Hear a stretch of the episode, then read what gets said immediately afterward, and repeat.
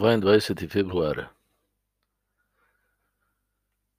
V Berilu nam apostol Peter izredno s pozitivno držo govori o božji dobroti v preteklosti in obljubi polnosti božje družine v prihodnosti. Vmes pa pravi, med obema veseljema je majhen trenutek preizkušnje. Veselite se, če morate sedaj za kratek čas trpeti preizkušnje.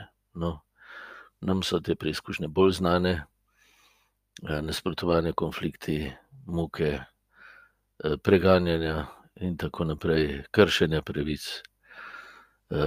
Ampak Peter se temu ne pusti zadušiti, čeprav je doživljal veliko hujše stvari kot mi.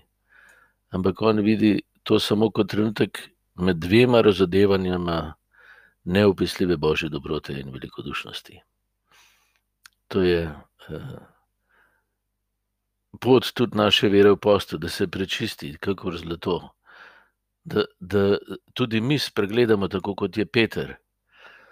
Tolažilna in krepčilna vizija krščanskega življenja iz tega, kar Bog dela in je že storil in je že uresničeno.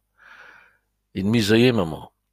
Vidimo v Evangeliju, da Jezus Petra imenuje skala šele lahko takrat, ko Peter prepozna, da je Jezus Kristus Božji sin.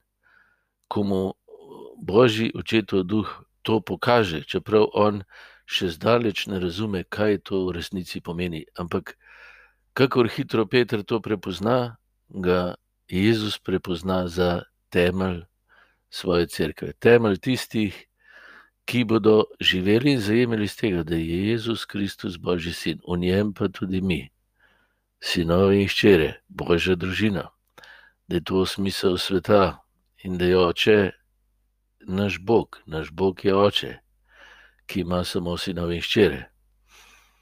In ima ves čas pobudo, da nas s svetim duhom vabi v sodelovanje pri plesu ustvarjanja Svete Trojice.